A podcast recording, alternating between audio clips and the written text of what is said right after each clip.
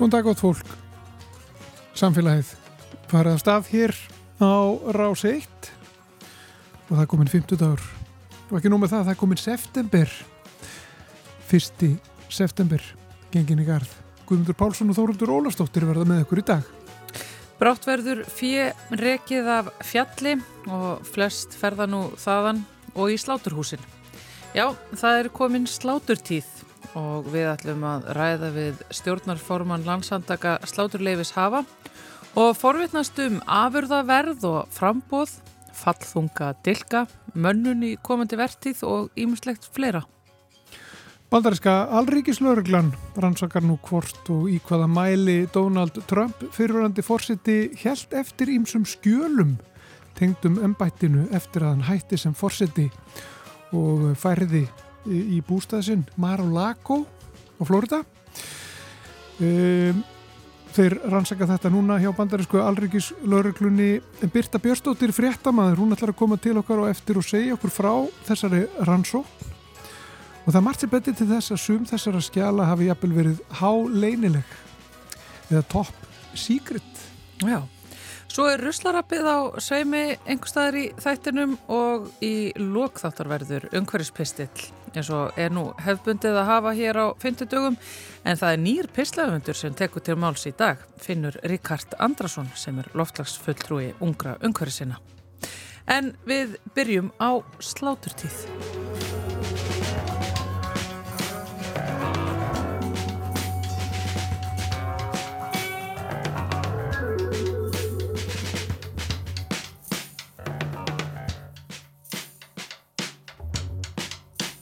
Það er fyrsti september og uh, þessum mánuði fylgir, uh, jú, eitt og annað uh, hefðbundið, göngur og réttir. Fyrsta stóra réttarhelgin er vist framundan.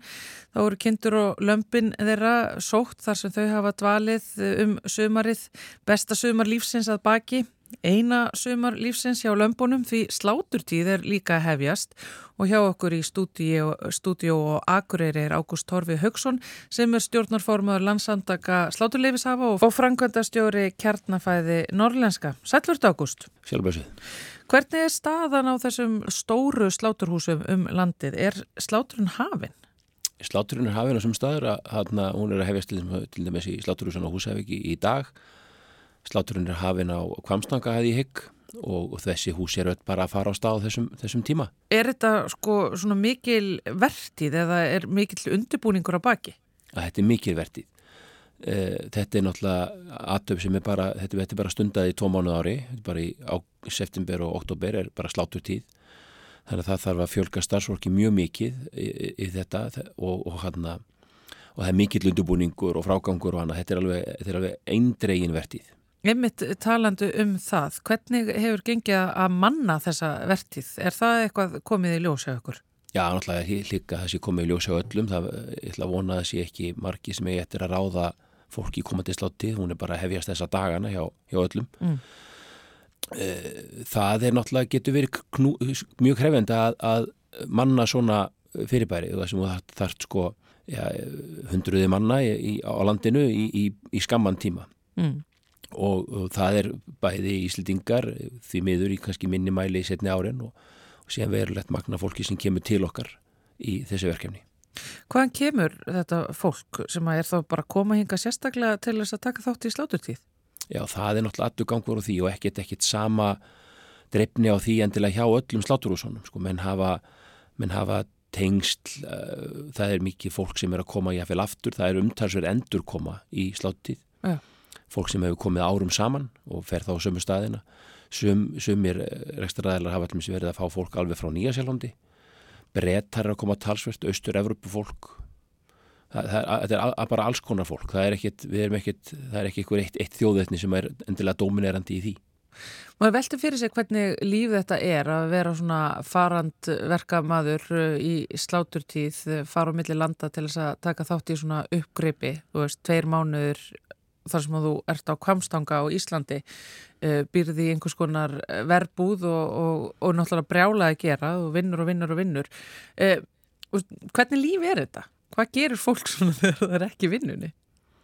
Það er náttúrulega öllu gangur á því þetta er yfirleitt sko fólk sem kemur í þeim tilgangi að, að þjena pening það er ekki telendi vandraði með eitthvað mikið læti þegar ekki er unnið eða eitthvað slíkt þetta er ekki þetta er ekki sko svona vertíð með þeim skilgrinningi sem menn kannski hafa ímyndun sér á, á, vertíðir hafa verið hérna áður.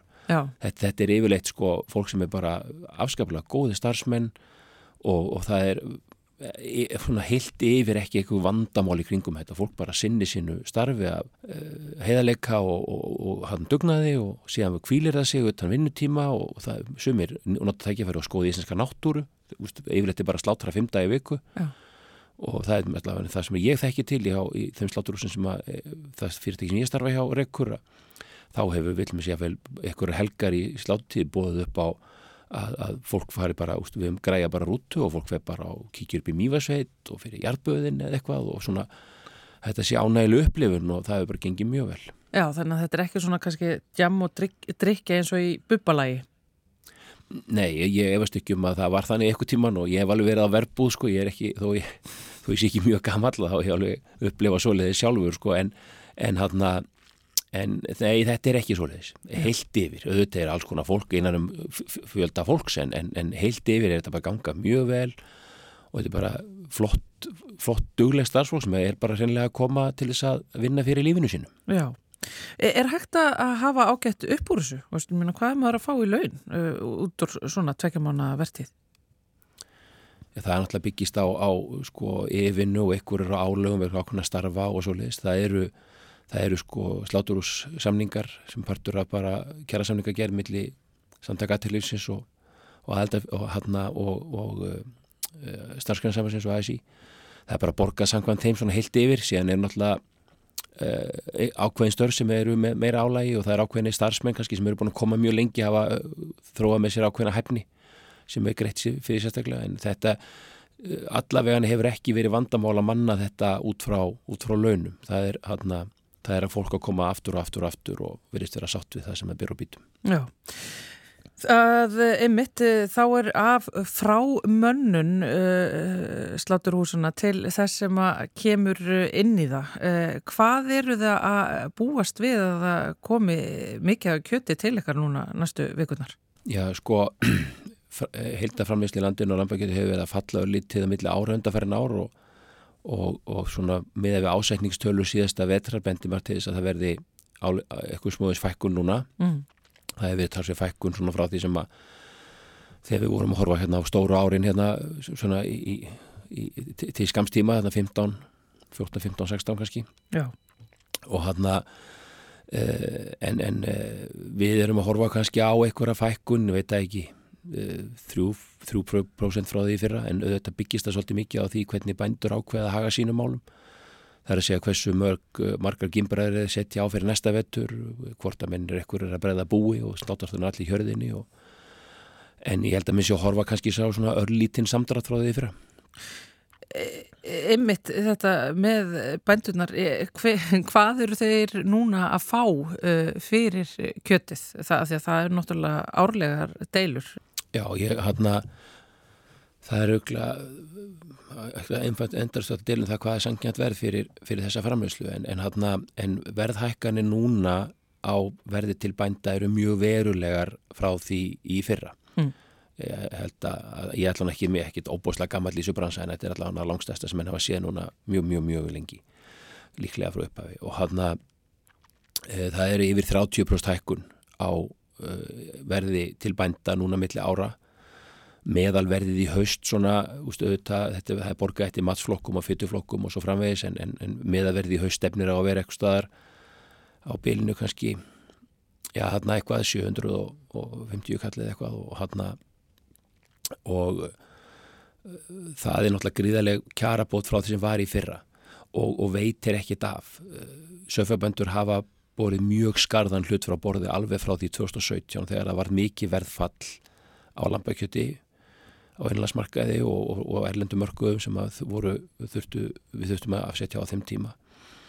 Og, og hana, þannig að þetta var bara leðriting sem að var einu lungu komin tími á og er allan að skref í áttina því að það sé rekstaregundöllur á söfabúum sem hefur ekki verið undanferðin ár og það er bara verið mjög slæmt ástand í frumframlislu á söfi sem að við erum svona nálgast eitthvað sem gæti mögulega talist eðlilegt ástand með þessari verðhækkun. Hún var óumflélega með öllu. Já, en úst, verða þessi, þessar hækkanir á afhverjuverði til bænda verður þeim þá ekki bara fleitt í rauninni yfir á, á, á neytandur sem að borga fyrir að þeir þá í búðinni? Jú, jú, það, það, það liggur alveg fyrir. Uh, afurðastöðageirin eða sláturhús og, og úrvinnslaðælar á, á kjötafurðum, inn, innlöndu kjötafurðum í Íslandi hafa ekki verið að ríða feitum hestir frá þeirri starfsemi. Mm. Það hefur, hefur verið talsverð hagraðing í greininni eins og menn hafa haft eh, heimildi til að gera. Það er mikil vilji hjá greininni til að hagraða meira. Við teljum að þessu tækja verið til frekari hagraðingar en, en eh, þessi grein starfar undir sankynnslögum og, og hann að og við núverenda aðstæður er frekari hagraðing basically ekki, ekki möguleg mm. en það er inn, innan fyrirtækjana og svo það fyrirtæki sem ég starfa hjá sem heiti Kjarnafæði Norlenska verður til úr saminningu sem við, við fengum heimil til þess að framkvæma uh, sumari 2021 það hefur skilað sér í undtagsverði hagraðingu innan þeirra hjá okkur og með sjá bara tækifærin sem væru í því að fara í frekari saminningar og frekari hagraðingar til þess að læka tilkostnað en starrendin er svo að að uh, afkoma af þessum rekstri hefur verið mjög hófleg og vil neikvæð undan fyrir nár. Þar sem að afrastöðunar hafa þó reynda að greiða bændum eins háttverð og það er mögulega að ráða við til að halda lífinu í frumframlegandanum mm -hmm. og blætt verulega fyrir það sjálfar. Þannig að þól úrvinnsluðaðilana, sláturúsun úrvinnsluðaðilana til þess að taka á sig kostnaðaverðshækkanir er lítið sem ekkert.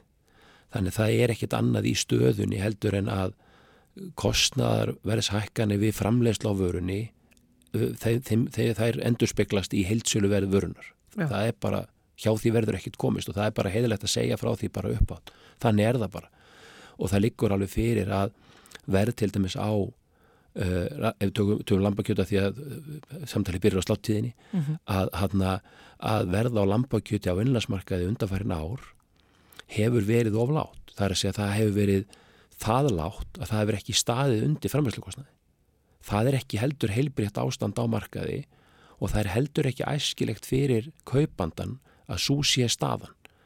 Vegna að það er ekki sangjörn viðskipti. Og sem veldur því til lengri tíma litið að frambóðið fer. Það er að segja að viðskiptavennurinn fær ekki vöruna lengur vegna þess að framlegandi vörunar getur ekki lifa á því að búa hana til. Það er ekki æskilegt.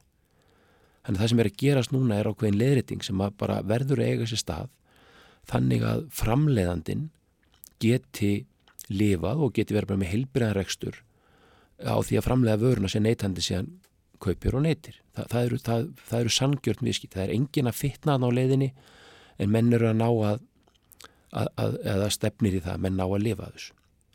Ágústóri, þú segir einmitt að það sé að koma minna inn að kjöti svona fyrir séð uh, þennan veturinn heldur en hefur verið áður uh, að það sé mikilvægt að halda lífi í framleiðendunum uh, en úr, eru kaupendur að öllu þessu kjöti? Já, sko það hefur verið það uh, byrðir af lampakjöti í, í landinu núna í aðdraðanda sláttíðar eins og bara núna í ágúsmániði bara samkvæmt ofinbjörn tölum uh, matfælarandi heldur þessu saman og byrtir á, á vefsínum að eru mjög lágar, ég get sagt bara í því fyrirtæki sem ég starfa hjá var, var afskaplega lítið og er afskaplega lítið til núna, við erum byrjað sláttíð í dag og veitir ekki af. Þannig að það er ekki, það er ekki byrðavandi í þessari, þessari afröðtegund á landinu, bara alls ekki. Og hann að eh, innanast neysla hér á þessari kjöttegund hefur verið hefur mjög góð, við höfum verið að uh, síðustu mælingar hagstofunar benda til þess að, neysla á mann sé svona stærra gráðinni 19 kíló, 85-19 kíló. Uh, við höfum verið að selja hérna á innlandsmarkaði í heilbriðu ári Það er að segja að þá eru ég að tala um ekki COVID-árin, við höfum svona 19 og þar á undan, mm. uh, svona starra gráðin í 7000 tonn af, af vörunni og einlandsmarkaði. Uh, það er verið að slátra kannski, úst, ég man ekki alveg töluna í fyrir, það er ekki eitthvað stærri kringum 8.000 tonnin af sem stilkakjöti, lampakjötinu. Já. Og hana, þannig að það er, við erum komið mjög nálagt innlands eftirspurninni, úst, það er ekki allir skrokkluttar sem eru, uh, hana, eru seldir hérna innanlands, úst, það er ekki við erum ekki að selja henni hérna innanlandstil slög og hlera sem í, í því hlutfalli sem það fellur til, þannig að það er ákveðnir skorklutar sem fara til úflutnings þannig að umfram framleiðsla á lambakjötins umfram þarfir innlandsmarkaðar á Íslandi í dag er mjög lítil. Ef maður skoðar frettir aftur í tímana, þá er þetta ofta af, of, of af ofhái matarverði of uh, lágum launum til söðfjörbænda, þetta hefur einhvern veginn svona oft virðist vera eins og það sé mikið ójafægi í þessari grein. Já, ég, ég sko að, að offramisla fyrir tíðar, hún er ekki raunmjörleiki í dag. Hann að uh, ég held við séum bara að nálgast eitthvað svona jafnvægi, það má leiða því líkum að að bara vegna við sjáum bara neyslubreytingar í, í okkar viðmunalöndum og annað, það má gera því skóna að að, að eh, neysla lampakjöti per haus á Íslandi muni eitthvað að draga saman á komandi árum, það hefur gert á undarförnum árum, það er bara eðla neyslubreytinga með auknu frambóði af stafkvæmdavörum og svo leiðist, það er bara, bara eðlilegt, við munum örgulega að sjá þá, þá uh, þróun halda áfram hægt og rólega, ég vonum hún sé bara svona, verði bara hæg og rólega en ekki einhverjar kólsteipur, það er ekki gott fyrir neitt markað. Og hann að Þannig að ég held að það sé alveg stabílt og við séum að nálgast eh, jafnvægi þar og ég hef komin á þann punkt að við líða bara vel við þar aðstæði sem við erum. Var enda afkomið sögubönda, ég, ekki að, ég er ekki sögubundi og er ekki að horfa á, á svona römmulna restarekning söfrabús í, í, í, mínu daglega lífi en, en klárlega þær, þær breytingar sem hafa núna á sér stað eru eru skrefi rétta átt. Mm. en það hefur verið mjög slæm staða á söfabúm, það hefur ekki verið neinn fjárfstíku geta til endur nýjunar á húsakosti eða vélbúnaði. Og, og uh, menn hafa bara verið í ströggli með að draga fram lífið í atvinnugreinu nema þá vinna utan bús eða eitthvað slíkt. Sem að, sem að hana, uh, veldur því til þess að endur nýjun í, í hópi söfaböndu hefur verið mjög lítil. Meðalatu söfaböndu hefur verið að hækka. Þannig að til langstíma liti er það ekki góð staða. Og, og vonandi geta svona hlutir hjálpað okkur en, en vissulega það er, það er ég er ekki sem að þetta sé, sé nóg til þess að minn geti sagt að þetta sé allt saman heilbreytt en þetta er klárlega mjög stort skref í rétt átt Því hjá kjarnafæði norrlenska verist vera stefna í Þetta aldrei umfóksmikið vetur, það bárstæði fyrir eftir að þið ætlaði að kaupa all kindakjöld sem að kemur úr slátrun hjá fjallalambi á kópaskeri. Ákur eru það þessu? Ákur eru það að sanga svona miklu að ykkur? Við erum ekki að stefnu nú ekki á heimsi yfir að við að dauða, eða ekkert svo leið sko. við erum bara að, að, að leita, leiða til þess að við erum með sagt, eh, sláturús og, og, og kjötunsli fyrirtæki sem við rekum hérna á Norðurlandi. Við fórum starfstöðum, við erum með starfstöð á Blöndósi, Tværi Ægafyrði og, og svo Húsavík. Og við erum að hugsa okkur bara að, að aukin umsetning í okkar, okkar úrbeiningu, vinslum gegnum okkar sölukerfi og svo leiðis geti verið til þess fallin og við höfum samfæringu fyrir því og höfum sett það í okkar rekstri. Aukin umsetning er, líklegt til þess að, að lækka meðal tilkostnaði við úrvinnslu og sölu vörunar. Þannig að við getum þá verið uh, úrvinnslu aðli, slátturús og úrvinnslu aðli sem að er hagkvamar en við vorum fyrir og, og, og ráðum þá betur við það að, að keppa á markaði og, og ja, gera okkur klift að, að, að stilla verðhækkunum í hóf og svo framins. Vi, við teljum bara að, að þetta sé heitlafanleitt skref fyrir okkur bara að, að halda áfram. Uh, bara í lokin Ágústorfi, ég veit að það er alltaf mikil uh, veðmál sem að uh, fylgja bæði innan sveita og, og, og, og sísluna og síðan yfir landið allt þegar, þegar kemur að, að fallþunga delka. Hefur eitthvað frétt hvernig þetta stefnir í núna? Sko það, það er náttúrulega bændur hafa gott auga fyrir þessu og geta séð þetta í túninu sko. Já, já. Ég er ekki þar, ég er rétt komið þánga, ég þekki svipriði sögfjár og get þekkt ættir á andlissvip. Við hafa rosalega ánað með því náði því. En, hana, en, en það að lesa fallfunga og fjarlag hef ég ekki náð. Nei. En það, það er svona, mér fróðari menn vilja meina það að fallfungi verður nú líklega eitthvað eilítið minni núna í hausteldunum var í fyrra. Já það geti verið eins feitara fjö en, en hann að ég, ef við ekki bara sjá hvað kemur í lokin áður við tjáum okkur mikið um það. En, en það er uh, það er alveg þannig að, að, að það er ykkur, ykkur er hafa gaman að þessu og eðlilega og við horfum líka mikið til þess að að, að það sé góð gerð, það sé rétt fytu samsetning þannig að út úr uh, vinslunni komi vara sem að viðskiptavinnurinn vill og bændur eru mjög góðir í því. Það er búið að nást gríðala flottur árangur hjá fjölmörgum bændum í rektunastarfi á söðfíða þannig að, mm.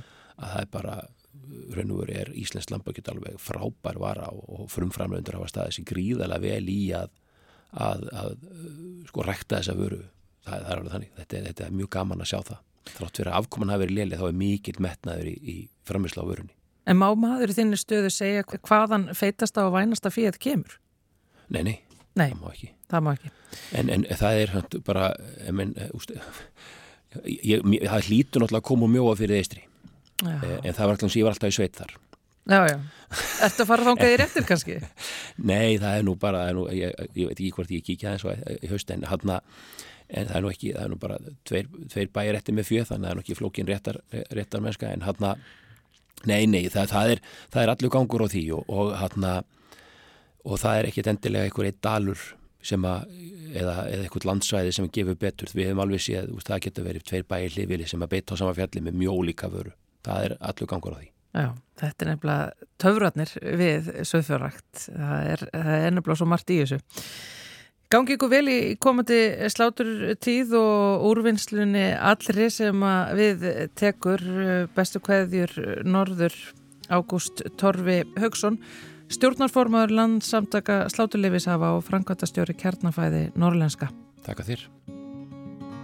Oh, the world is between us. You're hours away. When you're asleep, I'm awake. And I don't stay up late. Oh, I sent you a letter. I hope it arrives before the summer comes. And on some nights, oh, I hate to be here. So far away, can't wait to see you. Don't be late.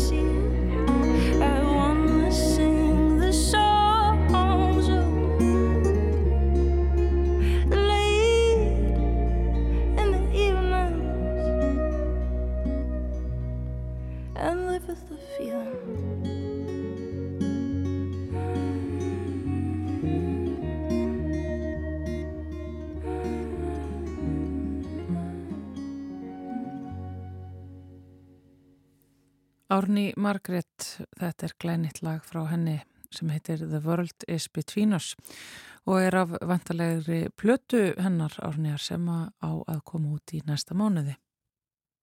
Birta Björnstóttir, fréttamaður er sest hér hjá okkur. Verður velkomin til okkar Birta. Takk fyrir það.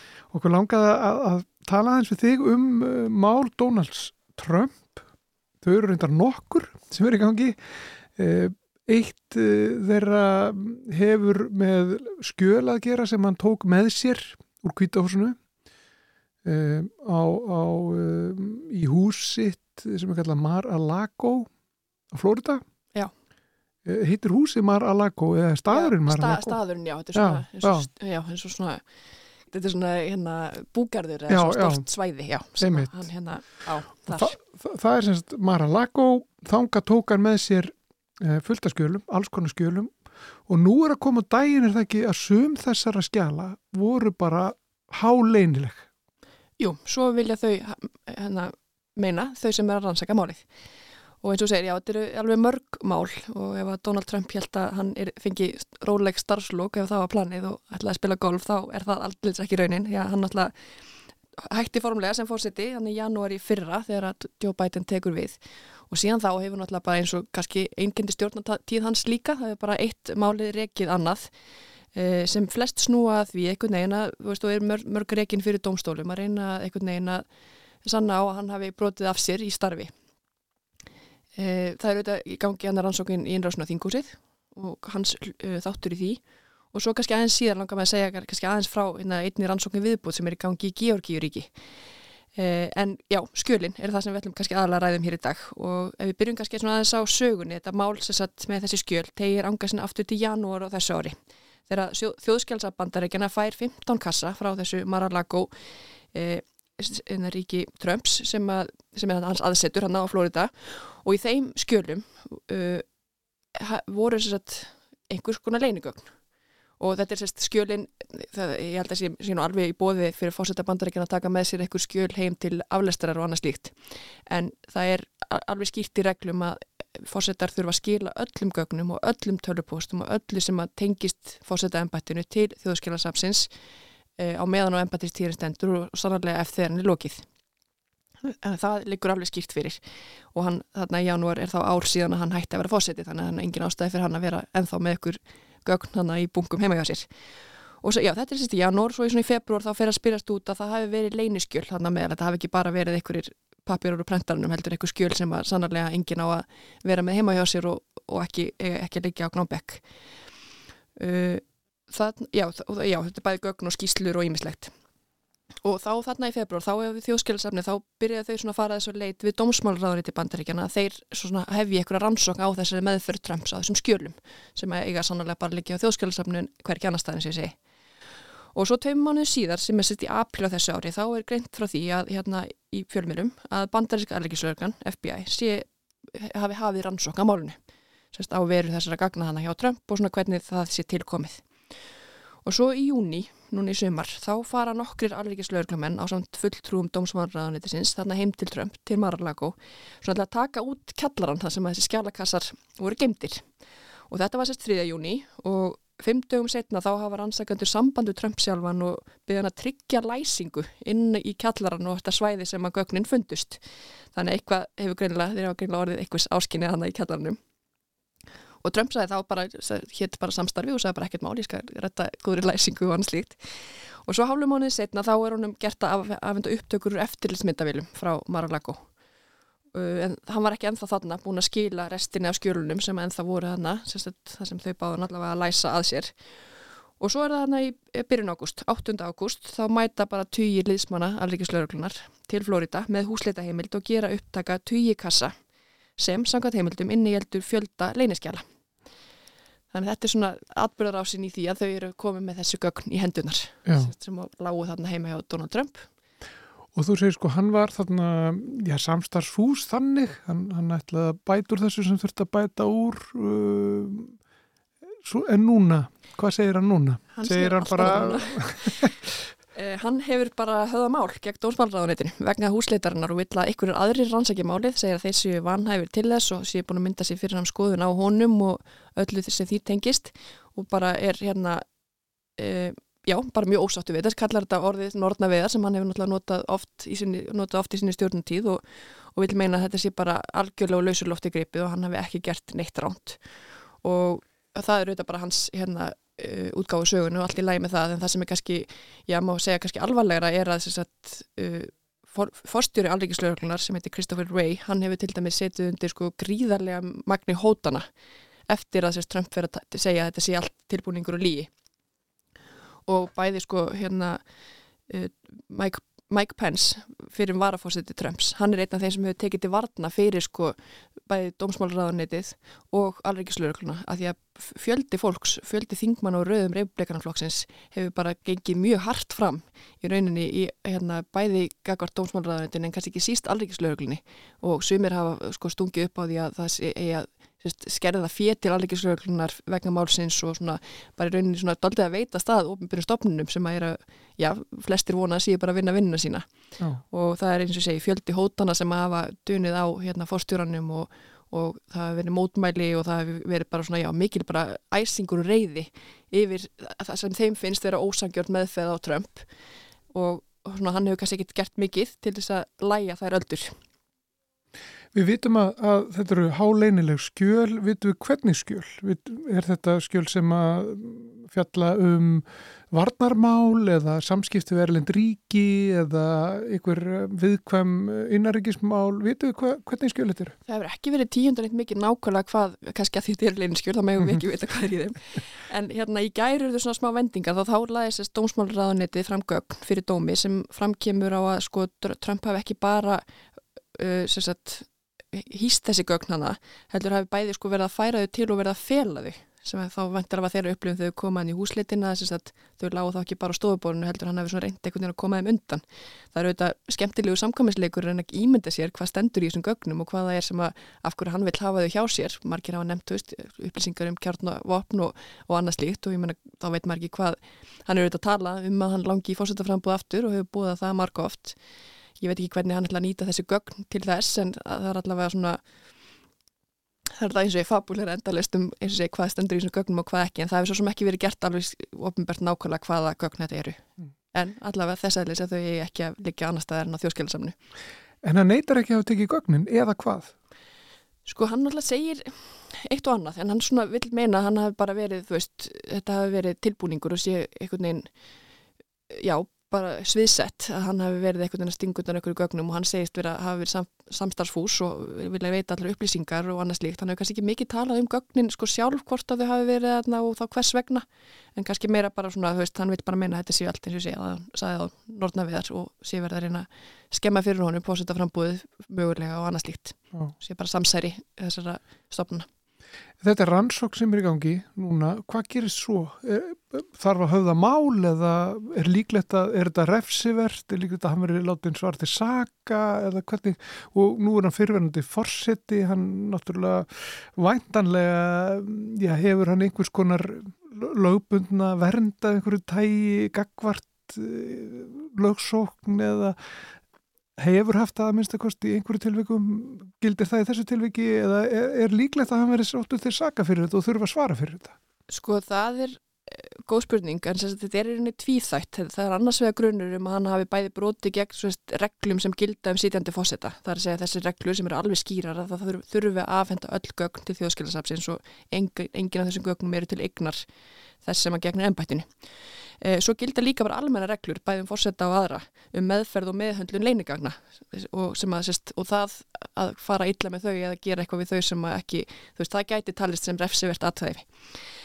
Það er erfitt að segja hvað verður, ég menn það hafa náttúrulega verið ótal mörg mál sem að kannski mörg hafa haldið að eitthvað myndi, já, það myndi hafa ykkur afleðingar fyrir hann en svo hefur það ekki verið raunin, að, og þú veist, þessi mikla skautun sem er í bandarækjunum fólk er annarkost einhvern veginn vil bara að hann fari í fangelsi og fyrir allt sem hann hefur mögulega gert og hinnir sem er akkurat hínum einn segja að þetta sé allt tilbúningur og samsæri þannig að Já.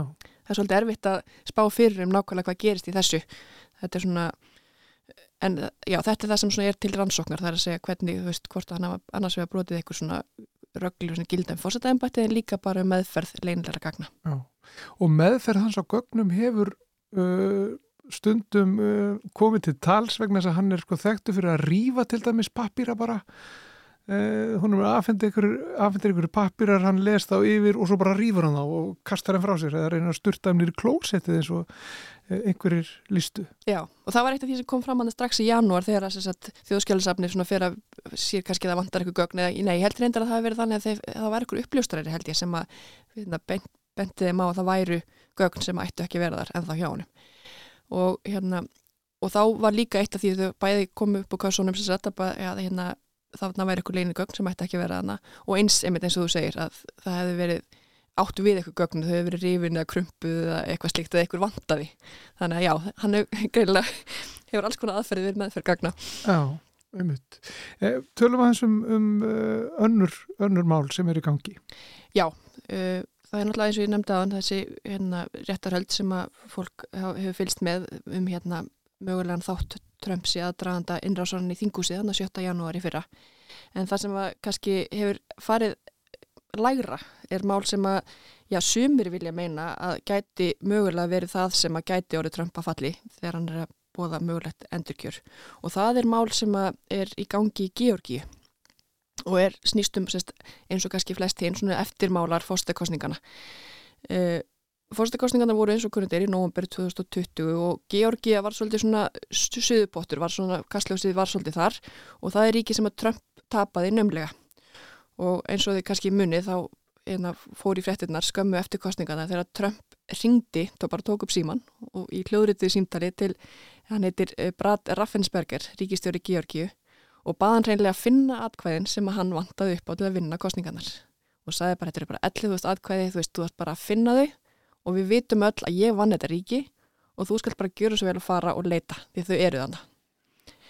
Fólki getur fundist ímislegt um þetta símtal en, hérna, en það er ekki bara þetta símtal sem er til rannsóknar þar heldur uh, þegar að Trump hérna, náði ekki endurkjöru hérna 2020 þá var kjörin, uh, þá komst til valda nýr ríkistjóri í hérna Georgiu og hérna og sagt hún er fyrir ekki ríki saksókani og hún heitir Fanny T. Willis og er svona daldi hérna kröftu kona sem að hérna er demokrati og hún er bara með fangi fullt núna og sem er kannski líka svolítið sérstatt því hún er, já sem segir, hérna ríkisaksóknari í, í Georgiu en hérna ætlar í rauninni að taka á sko landsmálum með þessu. Þetta er ekki snýst auðvitað um það sem gerist í ríkinu hennar en hún er bara með sem er kannski ekki mjög, mjög vanalegt að vera bara með fósettan og fleiri hérna, stuðnismenn hans einhvern veginn á mögulega á sakamannabegnum.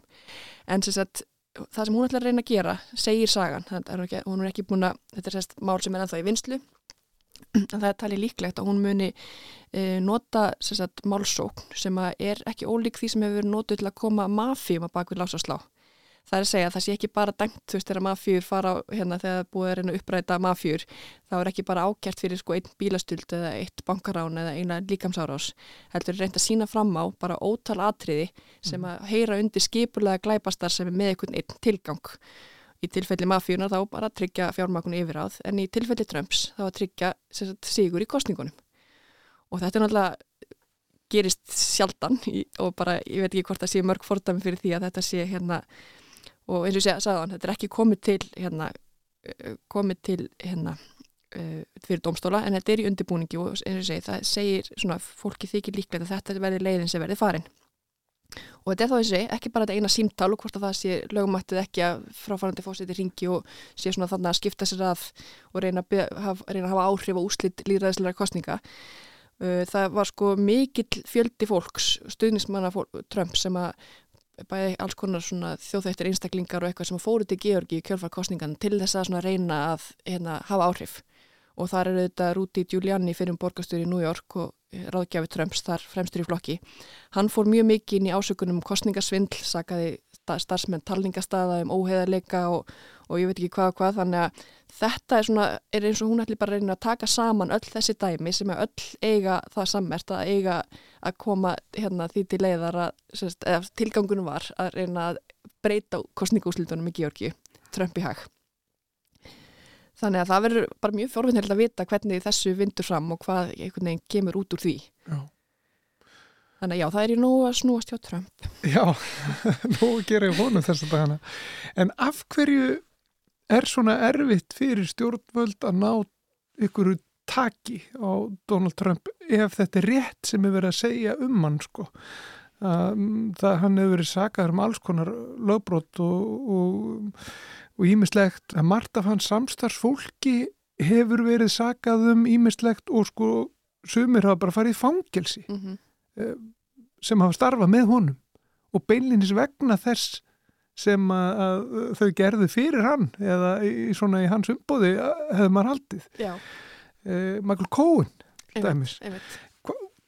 af hverju er þetta nú takið á honum? En það eru aðrir sem að fara jafnvel í fangils Já, það er góð spurning, ég meina svo verður maður bara að testa því að þetta fari bara hérna einhvern veginn, fari sína réttu leið í dómskerfinu og þetta séu bara lagarammin sem er unnið innan og, og allavega hinga til hefur hann ekki þá gert neitt sem að hefur sannast sem að er í trássi við þessi lög.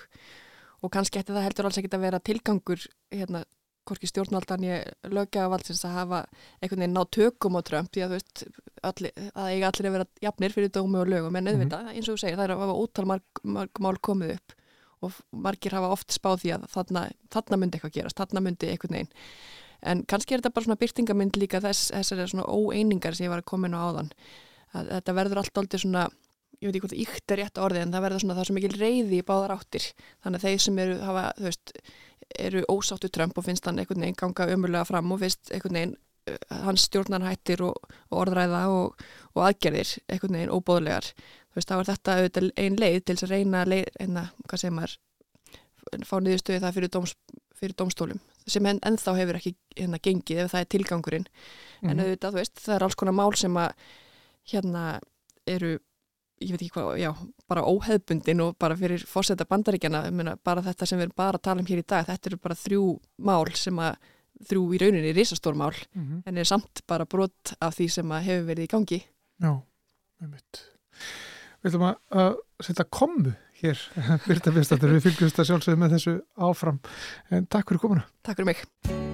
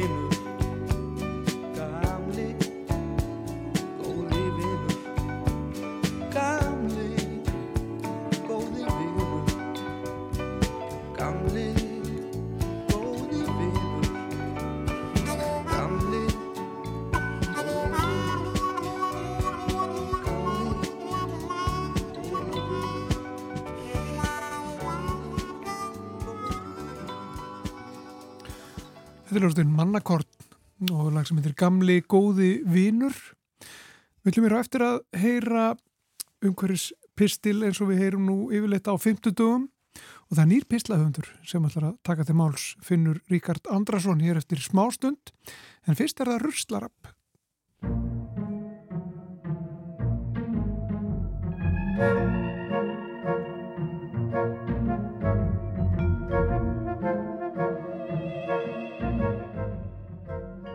Ruslarapið farið að stað Eirikur Örd Þorstesson sem er sérfræðingur í fræðslu og miðlun hjá Sorpu er sestur hjá okkur og við ætlum að taka fyrir eh, fyrirspurt frá hlustanda sem var að velta fyrir sér hvaðan eigi að gera við þessar svona sápupumpur eða þessar umbúðir sem eru sem sagt við eh, vaskinn inn á baðherbergjunum okkar sem að innihalda fljótandi sápu. Eirikur? Já, akkurat. Um, þetta er náttúrulega að, að mestu bara plast en, en þetta sko plast er ekki saman plast, það er til alls konar tegundur af plasti og, og um, viða erlendist þá farið að flokka plast í marga flokka. Uh, að mestu þá eru við bara ennþá flokka hér í eitt flokk en það kannski mun breytast uh, fljótlega hjá okkur að við fyrir að tala meira um, um plastumbúður umbúður sem að, að bara falla til á, á heimilum á, á hverjum degi þar myndi ég flokka þessar uh, sápupumpur eða sápu hérna ílát og, og oft er einhverjir svona vírar, málumvírar í, í pumpunum þar að segja en, en að mestu er þetta plast þannig að setja þetta með plasti og þá í, í sagt, uh, flokkunar á flokkunarstöðu erlendist þá er, eru málmannir að reynda að skilja þá frá eins, eins, og, eins og hægt er. Já. En uh, svo ser maður líka náttúrulega að, að fólk sem er mjög umhugað um umhverfið er bara hreinlega farið aftur í sápu stikkin. Jú, það er, það er náttúrulega mjög sniðt og, og líka ég hef uh, séð í vestlunum að það er hægt að fylla á uh, sábíletin hjá sér. Já, svona fljótandi sápu. Já, Já. en sábustikkin eru líka mjög sniðug. Já, og þau eru líka oft bara pökkuð inn í pappir. Já, alveg rétt. Þannig að þetta er eitthvað svona til þess að taka með manni næst eða maður fer að, að, að kaupa sér handsápu. Já, eða sjampó. Já, takk fyrir þetta, Eirikur Örd Þorstesson. Takk fyrir mig.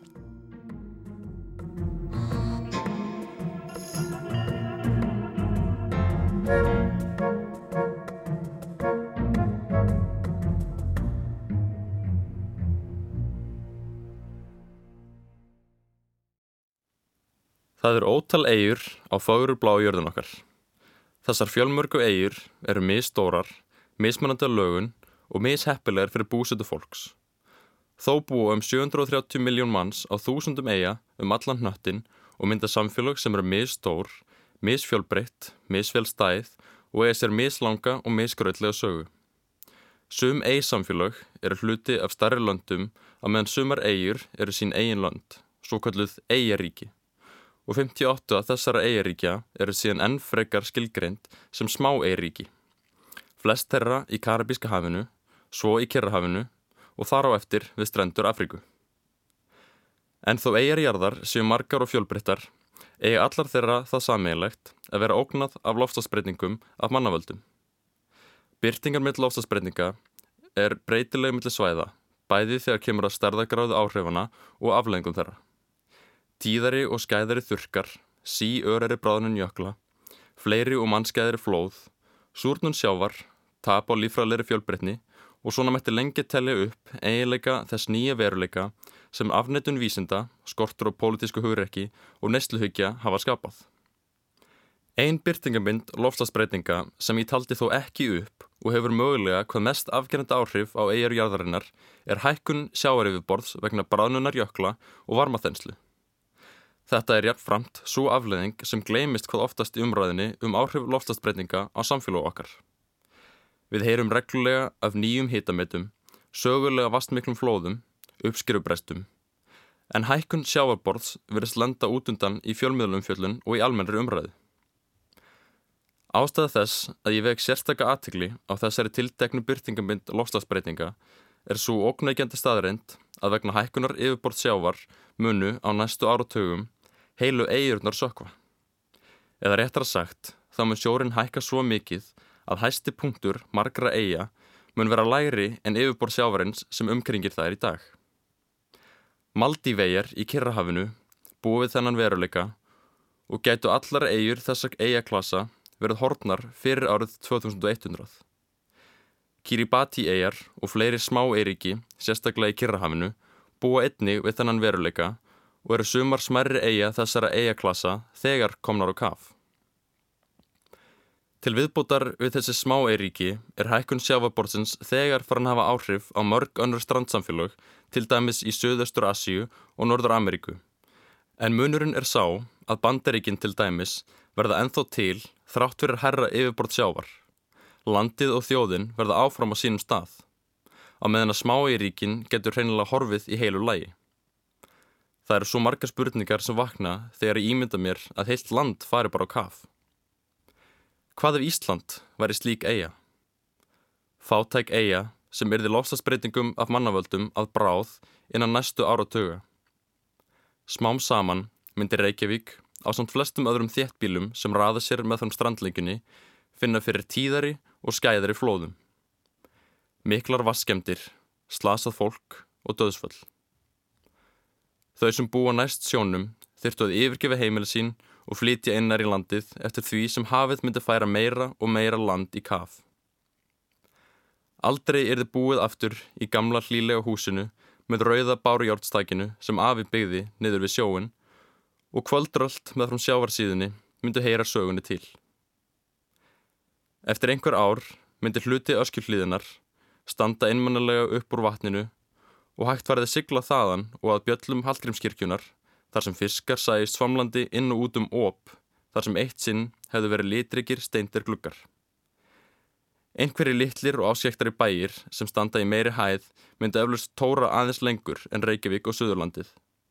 En brátt er það hálendið eitt eftir, alveg þar til síðustu tindar þess, hirfu ofan í djúpið.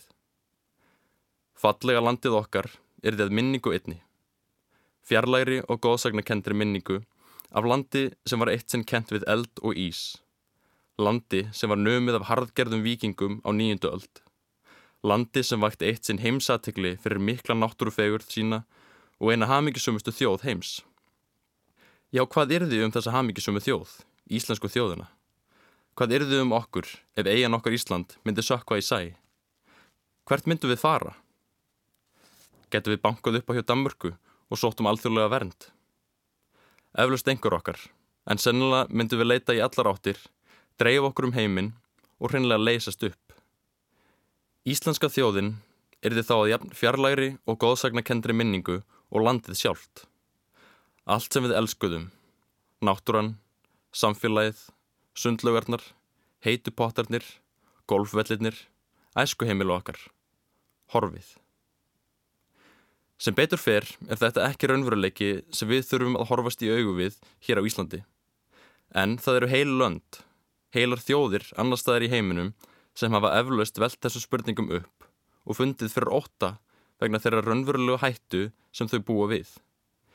Því nú stefnir í að nattræn hlínun verði alltaf 2,4 til 2,7 gráður Celsius frá innbyltingu og mun þessi mikla hlínun verða til þess að sjávarborðið mun hækka um alltaf 80 cm að meðaltali og einhver svæði getur séð alltaf 30 metra hækkun.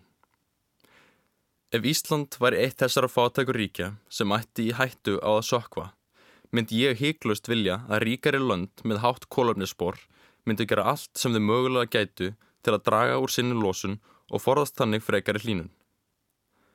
Það sem var í húfið fyrir mig og samfélagið sem ég er þykjað svo vendum væri ekki bara einhverjar alþjóðlegar skuldbindningar og sektir, heldur væri það tilvist landsins míns og þjóðarminnar. Við þurfum að bera meiri umhyggju fyrir fólki annar staðir í heiminum sem er að verða fyrir verstu afleðingum lofslagsbreytinga. Þetta fólk býr kannski langt í burtu og við þekkjum þau kannski ekki, en það á ekki að þýða að þau eiga skilið minni umhyggju og samkend frá okkur. Við búum öll á sömu jörðinni og erum hluti af sama heimssamfélaginu. Það getur verið erfitt að vera stöðugt meðvituð um lofslagsbreytingar í okkar daglega lífi og passa að við tökum ákvarðanir út frá afleðingum þeirra fyrir lofslagið. Flest okkar vinnum mikið, mörg skuttla á mikið og sækja. Það þarf að elda fyrir fjölskylduna og sinna öðrum heimilistörfum. Og inn á millið allra þessara verkefna reynum við að finna stund til að slappa af eða gera eitthvað sem okkur þykir skemmtilegt. Og þrátt fyrir að við þurfum öll að gera okkar besta til að takmarka okkar einn áhrif á lofslagið og umhverfið, þá er sem betur fyrir fólk sem er í fullri vinnu við að stjórna landinu. Fólk sem við höfum veitt völd til þess að breyta samfélaginu til þess betra og hjá þeim liggur ábreyðin. Nú er aðeins örfáur vikur þar til alþengi kemur aftur saman eftir langt sumarfrí og væri áhugavert að ímynda sér til hvaða ráða þingi myndi grýpa ef Ísland ætti í raunverulegri hættu á að sökva vegna lofstafsbreytinga.